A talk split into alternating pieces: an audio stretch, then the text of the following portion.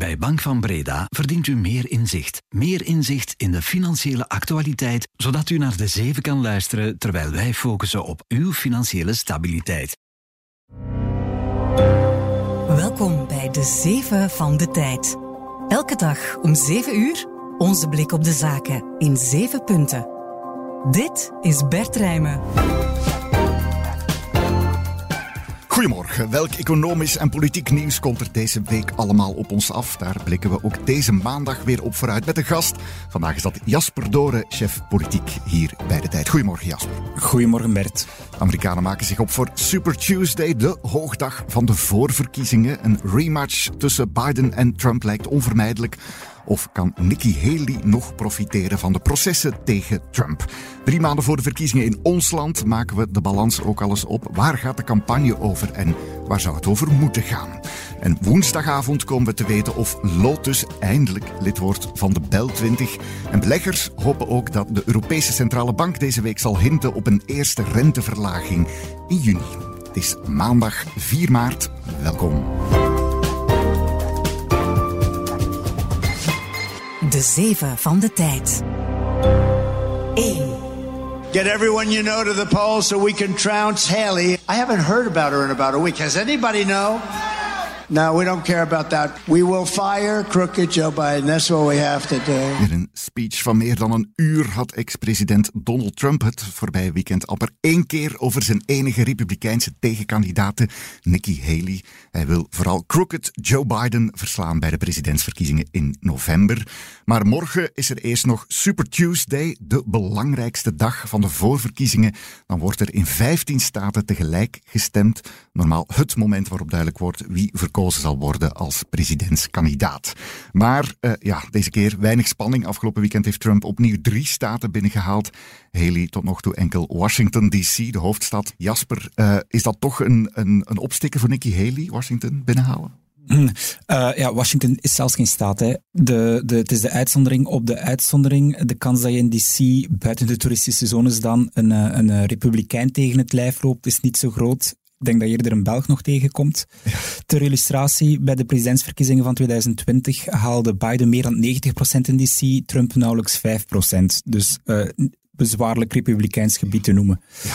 Nu, uh, het is dus uitkijken naar, naar, naar dinsdag. Hè. En bij de, bij de vorige voorverkiezingen ging het telkens om één of een paar staten. Nu wordt tegelijk in vijftien staten gestemd.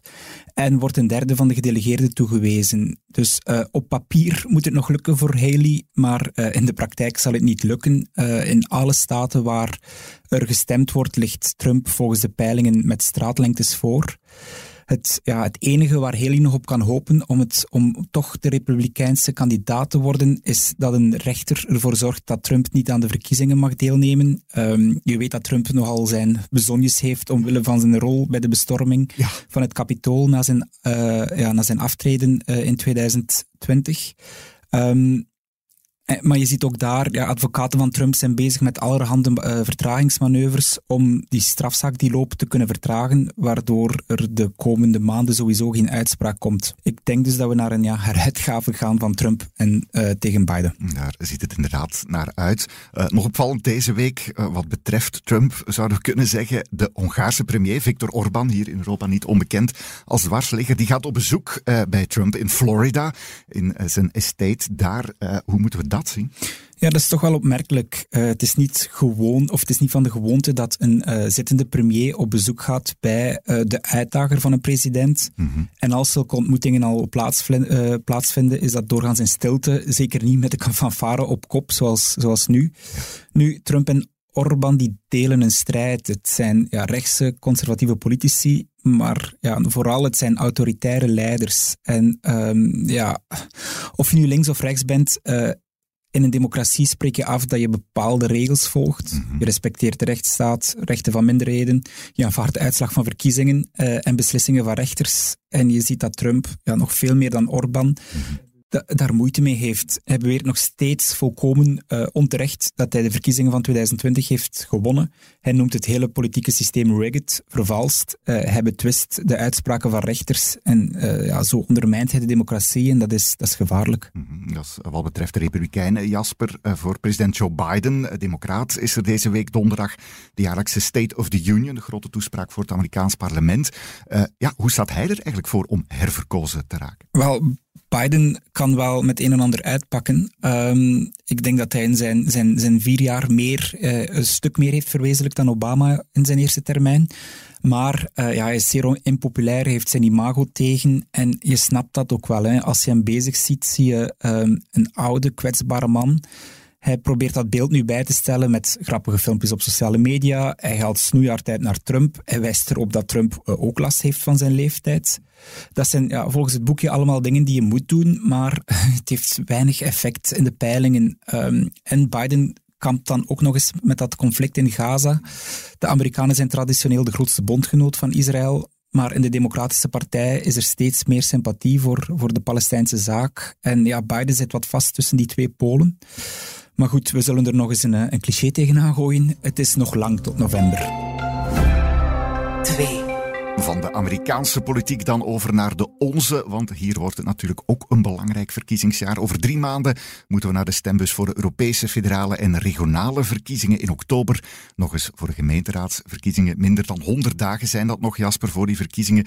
Dat betekent dat politici nu echt volop in campagnemodus gaan. Ja, aan het aantal politieke voorstellen dat we vorige week over ons heen gekieperd kregen, kun je zeer duidelijk zeggen van wel. Ja. Uh, de partijen zijn zich aan het klaarstomen. Het is de periode van de inhoudelijke congressen, zoals afgelopen weekend bij Vooruit, volgend weekend bij de Liberalen en de, en de PvdA. Maar ik denk eerlijk gezegd dat de meeste kiezers uh, er nog iets minder hard bezig mee zijn dan de politici zelf. Het is doorgaans die laatste maand die, die echt cruciaal is en waar kiezers uh, echt aandacht hebben voor die campagne. Als we naar die laatste peilingen kijken, Vlaams Belang afgetekend op kop. Uh, de voorsprong met NVA nummer 2 is nog groter geworden. Jasper, ja, dat lijkt dan al beslist. We zijn op weg naar een nieuwe zwarte zondag. Wel opnieuw, die, die laatste maand is echt wel cruciaal, omdat veel kiezers pas dan echt beginnen op te letten en dat ze dan nogal eens van gedacht durven te veranderen. Maar natuurlijk, ja, er zijn een paar politieke feiten waar je moeilijk omheen kunt. Er is veel frustratie, omdat het in België zo moeilijk blijkt om doortastend beleid te voeren. En ja, de centrumpartijen die lijden daaronder. En je ziet ook dat de N-VA daaronder lijdt. Ze heeft de kracht van verandering beloofd. Ze heeft die ja, toch te weinig kunnen waarmaken. En ja, dan zie je dat kiezers worden gecharmeerd door, uh, wie, ja, door de partij waarvan zij vinden dat die het beste verandering kan capteren. En dat zijn vandaag de partijen die, die nog niet bestuurd hebben. Het Vlaams Belang en de PvdA. Mm -hmm, dat is een beetje het sentiment in die campagne. Jasper, de inhoud, hoe, hoe zit dat? Waar gaat het over? Wel, overal in Europa zie je dezelfde drie grote thema's terugkomen. Koopkracht, migratie en een gevoel van vervreemding bij de kiezer. Mm -hmm. En ja, je ziet dat de meeste partijen daar krampachtig op, op reageren. Uh, zij hebben schrik uh, van de boze kiezer en ze proberen hem te sussen met allerhande beloftes waarvan ze eigenlijk weten of zouden moeten weten dat ze die niet kunnen waarmaken. Want er staat een gigantische olifant in de Kamer. Um, we zitten nu al met uh, zowat het grootste begrotingstekort van Europa. Ja. En tegen het einde van de volgende legislatuur zal dat verder oplopen tot 40 miljard euro. De Europese begrotingsregels zijn verstrengd, uh, waardoor een volgende regering niet anders gaat kunnen dan, dan, dan zwaar te besparen. En het is daar ook dat de campagne over zou moeten gaan. Wat gaan de partijen doen om, om die tekorten weg te werken? Maar uh, ja, tot nu toe hebben we daar weinig voorstellen voor gezien. Uh, en ik vind dat de kiezer op die manier eigenlijk niet ernstig wordt genomen. Hadden het daarnet al even over de oorlog in Gaza. In die Gazastrook is de humanitaire crisis ja, steeds groter aan het worden. Uh, duizenden, tienduizenden Palestijnen die op elkaar geduwd zitten. Daar in het zuiden van de strook in grote nood zijn qua medische verzorging, voeding, water. Verschillende landen hebben daar afgelopen weekend voedselhulp gedropt. Ook de Amerikanen voor de eerste keer. Ja, Israël krijgt steeds meer kritiek, Jasper, voor de manier waarop ze ja, de Palestijnen daar aan hun lot overlaten. Ja, wel door er zelf te zijn geweest, uh, zowel in Israël en de Palestijnse gebieden, uh, heb ik geleerd om in dit conflict echt wel te proberen kijken naar, naar de twee partijen. Mm -hmm. Ik snap de aanvankelijke Israëlische reactie om, om na die terreuraanval van Hamas de Gazastrook binnen te vallen met het idee uh, om Hamas van de macht te gaan verdrijven. En hoe moeilijk dat dat ook uh, ja, blijkt te zijn. Maar het leed van de Palestijnse bevolking in Gaza is daardoor wel ontzettend groot. En je ziet dat Israël veel te weinig doet om dat te verhelpen. Er is weinig tot geen noodhulp. Uh, ja, de internationale gemeenschap kan het niet meer aanzien en, en grijpt nu in. Ja, en die, het feit dat Israël te weinig doet om, om de Palestijnen te, te, te ondersteunen, is, is niet alleen moreel verwerpelijk, maar het is denk ik ook strategisch dom. Want uh, Israël creëert hiermee het tegenovergestelde van wat ze beoogt. Het wilde door Hamas uit te schakelen het terrorisme verzwakken. Maar dit maakt, op, dit maakt de mensen op termijn alleen maar bozer. En uh, ja, Israël op termijn alleen maar onveiliger. Woensdagavond maakt Euronext Brussel de nieuwe samenstelling bekend van de Bel 20. De Belgische sterindex is dat. Dan komen we te weten welke bedrijven promoveren, uh, waardoor anderen dan weer uit de Bel 20 vliegen. Een paar weken geleden is onze beleggerredactie alles in de cijfers gedoken. Hun voorspelling is dat koekjesbakker Lotus Bakeries erbij komt, eindelijk. Dat is iets waar veel van de beleggers al jaren op hoopten. En supermarktketen Colruyt maakt waarschijnlijk een re-entry. Proximus, de telecomoperator en inox-producent Aperam, die zouden na een paar kwakkeljaren verdwijnen uit de Bel 20. Uh, eh, Jasper, uh, hoe kijk jij naar die nieuwe samenstelling? Ik ben een geboren meetjeslander, Bertus. Uh, de fabriek van Lotus stond bij wijze van spreken in het volgende dorp en ik ken de geur van de versgebakken speculoos door er met mijn koersfiets voorbij te rijden. dus laat me stiekem een beetje supporteren voor Lotus. is wel, ja, eigenlijk hoorde dat bedrijf al langer in de Bel 20 hmm. thuis met zijn beurswaarde is het groter dan meer dan de helft van de bedrijven die nu al in de index zitten. Uh, maar omdat het zo'n trouwe aandeelhouders heeft en het aandeel niet vaak genoeg verhandeld wordt, is het er tot nog toe niet in geraakt. Uh, we zullen deze week zien of dat verandert. Aandelen is ook altijd een beetje emo. Uh, nog belangrijk nieuws voor de beleggers deze week, Jasper. De Europese Centrale Bank die vergadert donderdag, zal de rente ongetwijfeld ongewijzigd laten, dat is duidelijk. Maar uh, ze willen die rente niet te snel laten zakken, omdat de inflatie dan zou kunnen opflakkeren. donderdag zullen ze misschien wel een hint geven over wanneer een eerste knip komt, later dit jaar. de meeste beleggers hopen op juni. Jasper, hoe zie jij dat? Ik denk niet alleen de meeste beleggers, maar ook de meeste politici. Um, hoge inflaties en hoge rentes, rentes uh, geven het mensen het gevoel dat het leven snel duurder wordt, dat huizen kopen moeilijker is en dat leidt tot maatschappelijk ongenoegen en dus ja, uh, een proteststem bij verkiezingen. En met die aankomende verkiezingsmarathon in België, in heel Europa en in de Verenigde Staten uh, zou het zittende regeringen kunnen helpen als dat inflatieprobleem eindelijk naar de achtergrond verdwijnt. Dus uh, ja, ik ben benieuwd wat Christine Lagarde te vertellen zal hebben. Ich möchte mich für eine zweite Amtszeit bewerben und ich bin der CDU sehr dankbar, dat ze mich heute als Spitzenkandidatin voor de EVP voorschlägt. Twee weken geleden was dit Ursula von der Leyen die zich kandidaat stelde voor een tweede mandaat als voorzitter van de Europese Commissie. Haar partij, het Duitse christendemocratische CDU, steunt haar daarin. Deze week woensdag en donderdag dan organiseert de EVP, de Europese Volkspartij, eh, waar von der Leyen bij hoort, een congres. En ook daar moet haar kandidatuur dan goedgekeurd worden. Er bestaat weinig twijfel over eh, natuurlijk. Volgens de peilingen, eh, Jasper, blijft de EVP bij de verkiezingen in juni de grootste fractie in het Europees Parlement. Uh, dat ziet er dan uit dat Ursula op haar stoel zal blijven zitten? Die kans is groot, ja. Um, die EVP is inderdaad uh, de grootste vanuit ons land. Klinkt dat misschien wat raar, want de tijd dat CD&V eh, de iedereen achter zich liet, ligt al even achter ons. Nu, die Europese verkiezingen, dat blijft toch wat vreemds, vind ik. Um, von der Leyen is de kandidaat voor de, voor de EVP, maar we kunnen niet op haar stemmen. Mhm. En het rare is dat zelfs de Duitsers dat niet kunnen, want ze staat helemaal nergens op een lijst. Dat komt omdat de commissievoorzitter eigenlijk nog altijd als een ambtenaar wordt gezien, die neutraal moet blijven en dus niet op een lijst voor het parlement mag gaan staan. Maar eigenlijk is dat, ja, dat is niet meer aangepast aan, hoe het vandaag gaat. Die commissievoorzitter uh, die heeft een zeer uh, zichtbare rol. Um, en dus ja, daar zijn, het zou beter een verkozen mandaat worden, denk ik. Ja, en dan is het bij de EVP nog enigszins duidelijk. Bij andere fracties ja, weet je helemaal niet wie er aan de macht zou komen. Is dat uh, ja, toch een probleem? Ja, ik vind van wel. Um, Europa wordt steeds belangrijker. Of het nu gaat over de economie, het klimaat, de oorlog in Oekraïne. De commissie speelt een ontzettend belangrijke rol. Mm -hmm. En ja, natuurlijk zit daar democratische controle op via het Europees Parlement en de raden van ministers uh, die de lidstaten vertegenwoordigen. Ja, moet dat beleid um, een meerderheid vinden.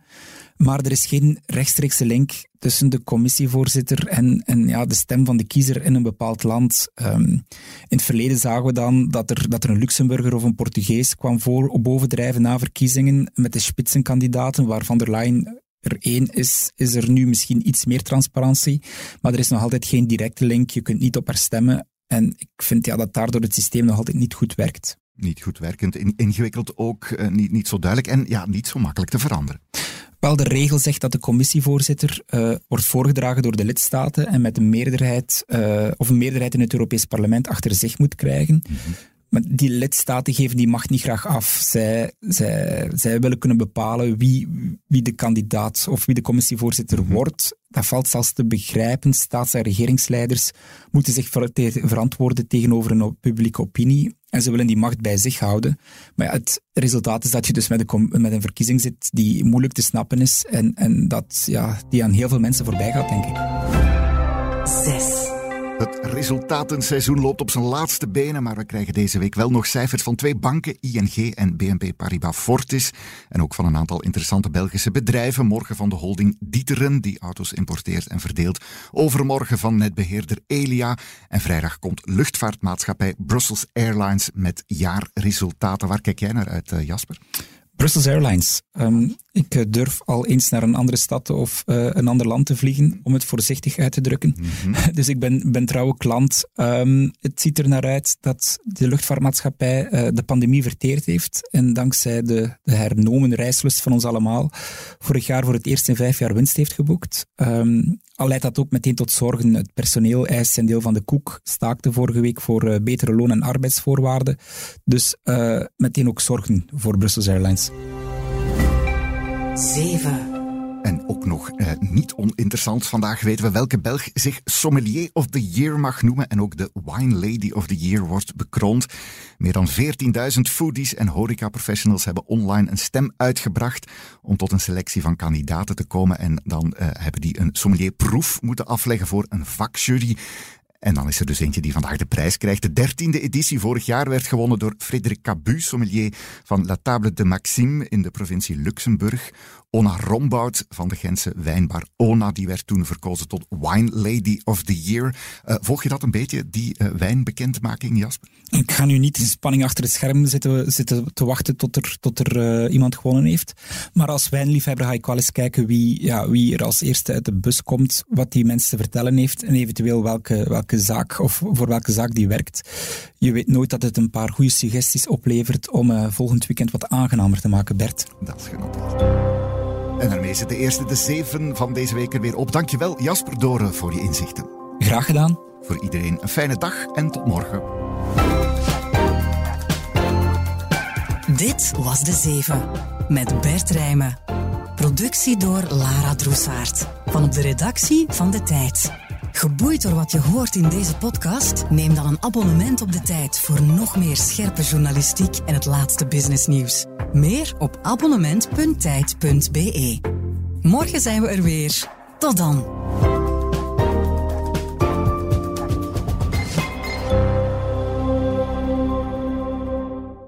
U verdient meer partners. U verdient meer zakenpartners. U verdient meer zakenpartners, zoals Bank van Breda. Zodat u echt tijd kan maken voor uw levenspartner. Ook u verdient meer Bank van Breda. Professioneel en privé. Bank van Breda. Enkel voor ondernemers en vrije beroepen.